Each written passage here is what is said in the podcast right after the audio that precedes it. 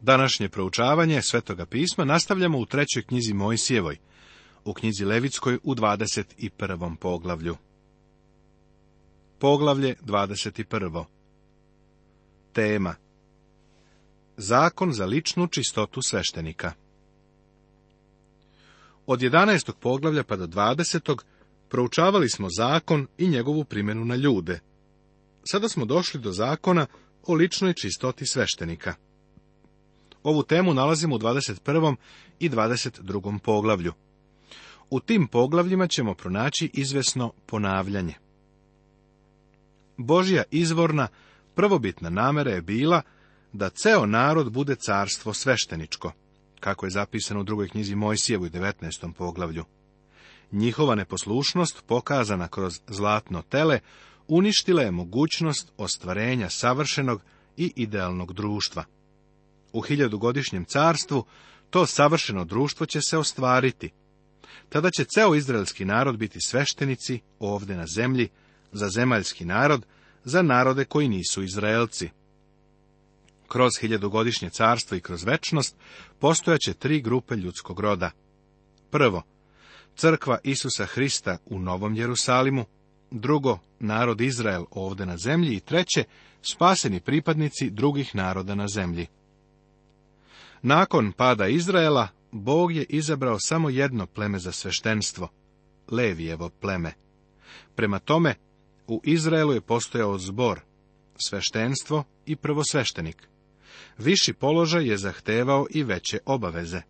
Veća odgovornost je zahtevala uzvišeniji način života. Crkva danas se naziva carskim sveštenstvom. Svaki vernik je sveštenik i danas ima pristup tronu milosti. Svaki vernik sveštenik ima obavezu da živi svetim životom koji je moguć jedino kroz silu svetoga duha koji prebiva u verniku. Pre svega, imajte među sobom istrajnu ljubav, jer ljubav pokriva mnoštvo greha. Budite gostoljubivi među sobom bez gunđanja. Kako je svako od vas dobio blagodatni dar, Služite njime jedan drugom kao dobri domoupravitelji raznolike blagodati Božije. Ako ko govori, neka govori kao reči Božije. Ako ko služi, neka služi kao snagom koju Bog daje, da se u svemu proslavlja Bog kroz Isusa Hrista, kome pripada slava i sila u sve vekove. Amin, kaže prva poslanica Petrova u četvrtom poglavlju.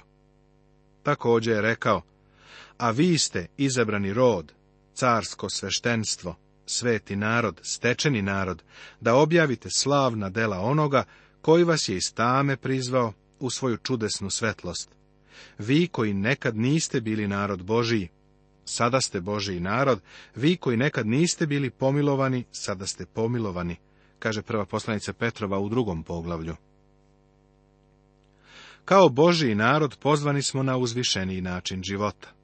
Ovo dakle govorim i svedočimo gospodu da ne živite više kao što žive mnogobošci u ništavnosti svoga uma. U odnosu na svoj raniji način života, vi treba da skinite sa sebe staroga čoveka, koji propada zbog varljivih požuda, pa da se obnavljate duhom svoga uma i da obučete novoga čoveka, koji je prema Bogu stvoren u istinitoj pravednosti i svetosti, tako kaže poslanica Efesima u četvrtom poglavlju. Božje dete je spaseno blagodaću i pozvano je da svoj život uzdigne na visoki nivo. Vernik treba da bude pažljiv u vezi sa prihvatanjem službe u crkvi. Ako postane službenik crkve, treba da doraste tim odgovornostima. Ja imam vrlo malo strpljenja sa ljudima koji prihvataju službu u crkvi, a zatim kažu da ne mogu da dođu na bogosluženje sredinom sedmice ili u nedelju uveče. Pa moj brate, onda nije trebalo da prihvatiš službu. Vidiš, odgovornost dolazi kroz privilegiju. Privilegija je služiti gospodu kao službenik crkve. Ti si kroz to unapređen. Onda i živi u skladu sa tim. Isus Hristos je naš veliki prvosveštenik i on je dorastao svojoj službi.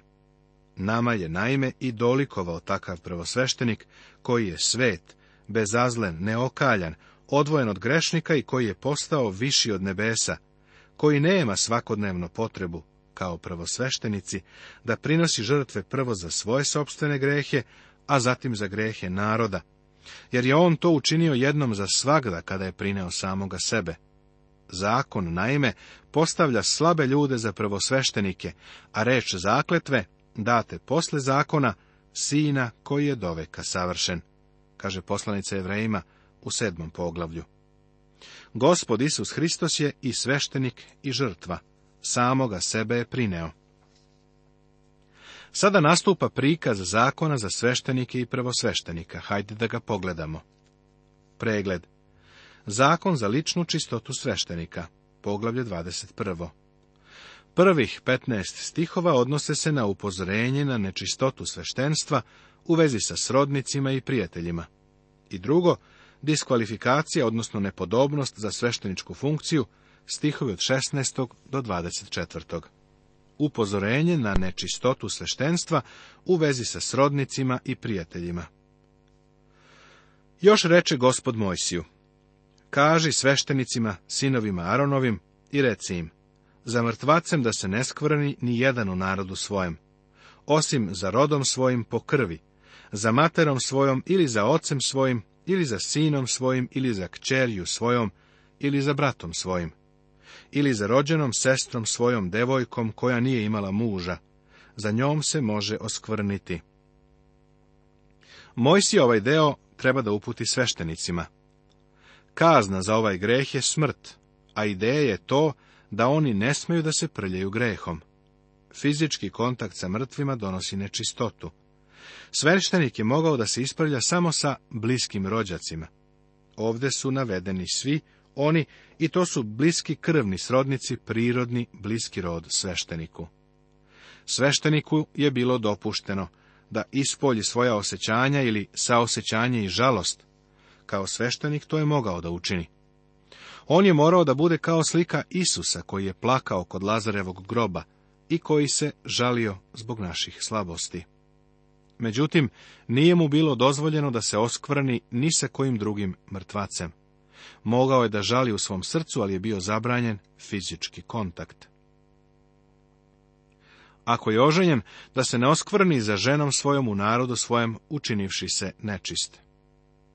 Položaj koji je zauzimao od njega je zahtevao strožije odvajanje, strožije od odvajanja koje se tražilo među običnim ljudima. Postoje mesta na koja ja ne idem, ne zato što su loša, nego zato što sam ja rukopoloženi sveštenik, pa ne želim nikome da dam nikakav povod za uvredu ili greh. Verujem da pastiri, đakoni, starešine, učitelji veronauke i svi drugi koji služe u crkvi treba da budu krajnje oprezni u vezi sa tim gde idu, šta rade i govore. Bog će tebe i mene smatrati mnogo odgovornijim ako nas je postavio na to odgovorno mesto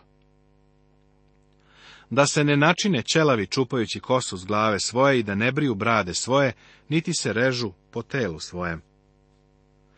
Ovo je bilo nešto što su neznabošci činili, a to su činili u znak žalosti za mrtvim. Sveštenik nije smeo da praktikuje ove sujeverne, paganske običaje koji su ga okruživali. Neka budu sveti Bogu svojemu, i neka ne imena Boga svojega, jer prinose žrtve ognjene gospodnje, hleb Boga svojega, zato neka su sveti. Njihova žalost je morala da priliči onima koji su prinosili žrtve gospodu. Hleb Boga svojega. Njihov položaj kao Božijih predstavnika je zahtevao dostojanstvo i uzdržanost. Isto se odnosi na Božije predstavnike u crkvi danas. Jer episkop kao upravitelj Boži treba da je besprekoran, ne ljubiv ne osojan, ne pijanica, ne ubojica, ne lakom, ni sraman na dobitak, nego gostoljubiv, prijatelj dobra, razborit, pravedan, duševan, uzdržljiv. Poslanica Titu, prvo poglavlje. Neka se ne žene ženom kurvom ili silovanom, ni puštenicom neka se ne žene, jer su sveti Bogu svojemu. I tebi neka je svaki svet, jer prinosi hleb Boga tvojega. Svet neka ti je, jer sam ja svet, gospod, koji vas posvećujem. Ovo se odnosi na njegov lični i privatni život, pa i u tome sveštenik treba da otkriva Božiju svetost, i to zbog položaja koji zauzima. Ne sme da se oženi prostitutkom, ni silovanom, ni razvedenom. Razlog koji se daje jeste što on služi Bogu, jer prinosi hleb Boga tvojega. Sveštenik je slika Hrista. Telo vernika se naziva Hristovom nevestom, pa i ono mora biti očišćeno pre nego što izađe pred njega bez mane i mrštine ili mrlje ni bore, kaže poslanica Efescima u petom poglavlju. Vođa crkve treba posebno u ovome da bude primjer drugima.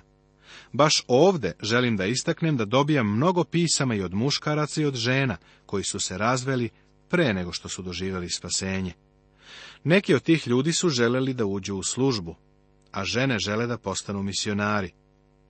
Znam da čovjek ne sme da uopštava ove stvari, ali želim da kažem da smatram da je skoro grešan način na koji su neki nedužni ljudi, koji su imali nesrećno iskustvo u životu, mnogi od njih još pre spasenja, bili su onemogućeni da uđu u službu zbog proteklih iskustava koje su imali i za koje nisu bili krivi.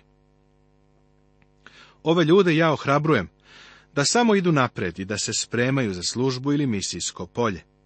Ali ih također upozoravam da se spreme da prime kritiku od nekih svetaca, koji smatraju da govore u ime Boga. Također, naći će neke crkve koje ih neće želeti u službi. Ipak ih ohrabrujem da idu napred sa pripremama, jer će se za njih naći mesto. I nađe se treba da uvidimo da u ovo vrijeme ima mnogo nedužnih žrtava razvoda. Sljedeće što treba da uvidimo jeste da žena pastira nije pomoćnik pastira. Ona je jednostavno žena pastira. To je uloga koju ona treba da ispuni. Ona mora da bude osoba koja će ugledom odgovarati poziciji koju zauzima njen muž. Od nje se ne traži da obavezno svira klavir ili orgulje, da peva u horu, da vodi misionarsko društvo i tako dalje. A kći sveštenička koja se oskvrni, kurvajući se, skvrni oca svojega, neka se ognjem spali. Zašto? Zbog pozicije njenog oca. Ona treba da bude najoštrije kažnjena ako je osramotila službu svoga oca. A sveštenik najviše između braće svoje, kojemu se na glavu izlilo ulje pomazanja i koji je posvećen da se oblači u svete haljine, neka ne otkriva glave svoje, i haljina svojih neka ne razdire. I k mrtvacu ni jednom neka ne ide, ni za ocem svojim, ni za materom svojom da se ne oskvrni. I iz svetinje neka ne izlazi, da ne bi oskvrnio svetinju Boga svojega, jer je na njemu venac, ulje pomazanja Boga njegova, ja sam gospod. Ovde se prvi put spominje prvosveštenik. Kao pomazani Boži sveštenik, on treba da bude odvojen za gospoda imao je da nosi krunu, na kojoj su bile ispisane reči svetinja gospodu, a to je bio stalni podsjetnik na to ko je on, čiji je i kome služi. Nije smeo da cepa svoju svetu odeću, nije smeo da bude nasilan.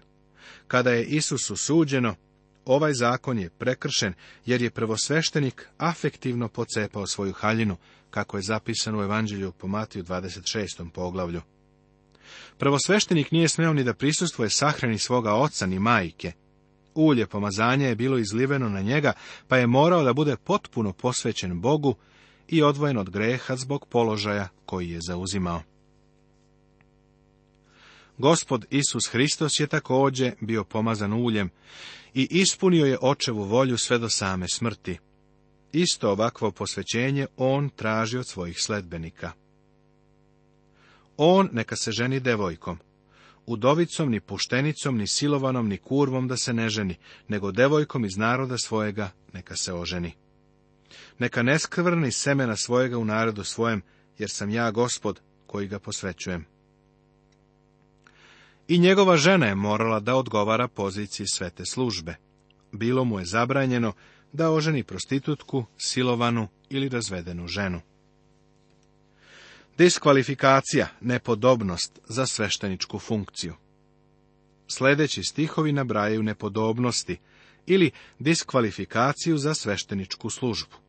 U to su uključeni slepoća, hromost, spljošte nos, patuljastost, krastavost, kao i drugi deformiteti i nedostaci. Opet reče gospod Mojsiju govoreći, kaži Aronu i reci, u koga bi iz semena tvojega od kolena do kolena bila mana na telu. Onaj neka ne pristupa da prinosi hleb Boga svojega. Jer niko na kome bi bila mana ne valja da pristupa, ni slep, ni hrom, ni u koga bi bio koji ud preveć mali ili preveć veliki. Ni u koga je slomljena ruka ili noga. Ni grbav, ni drljav, ni kojima bi onu na oku, ni šugav, ni lišajiv, ni prosut u koga bi godi semena Arona sveštenika bila kakva mana na telu, neka ne pristupa da prinosi žrtve ognjene gospodu, mana je na njemu, da ne pristupa da prinosi hleb Boga svojega. Zašto je ovo moralo biti ovako? Pa baš kao što ni jedna žrtva koja se prinosila nije smela da ima manu, isti princip se primjenjivao na sveštenika koji je služio u šatoru od sastanka. I on je morao biti bez mane. I žrtva koja se prinosila i prinosilac žrtve predstavljaju Hrista, a na njemu nema mane, ni u njegovom delu, ni u njegove ličnosti. Hristos je savršeni prvosveštenik. U njemu nema mane, nego samo lepota, slava i savršenstvo. Ali hleb Boga svojega od stvari presvetih i od stvari svetih neka jede, ali za zaves neka ne ulazi, koltaru neka se ne približuje, jer je mana na njemu. Pa neka ne skvrni svetinje moje, jer sam ja gospod koji ih posvećujem.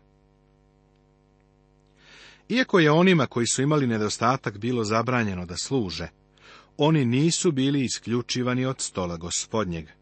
Bog se starao za njih. Ovo je suprotno načinu na koji je paganski svet postupao sa nepodobnim ljudima. Ovde za nas postoji duhovna lekcija. Ima mnogo vernika koji su sa nekim ozbiljnim hendikepom, bilo da je on fizičke, moralne, etičke ili duhovne prirode. Ovo će ih uskratiti za neke oblike službe, ali oni stvarno predstavljaju svete Božije ljude, koji na sve moguće načine imaju sva prava i privilegije vernika. Dok sam studirao i spremao se za službu, u nedeljnoj školi sam poučavao jednog momčića, koji je u to vreme bio na početku srednje škole. Bio je izvanredan sportista, ali je imao rascepljeno nepce, što mu je stvaralo poteškoće u govoru. Jednoga dana došao je kod mene, rekao mi da želi da bude sveštenik. E sada, kako bi ti razgovarao sa takvim mladićem? Pokušao sam da mu objasnim da je izvanredan atletičar, ali da je njegov govor bio hendikep.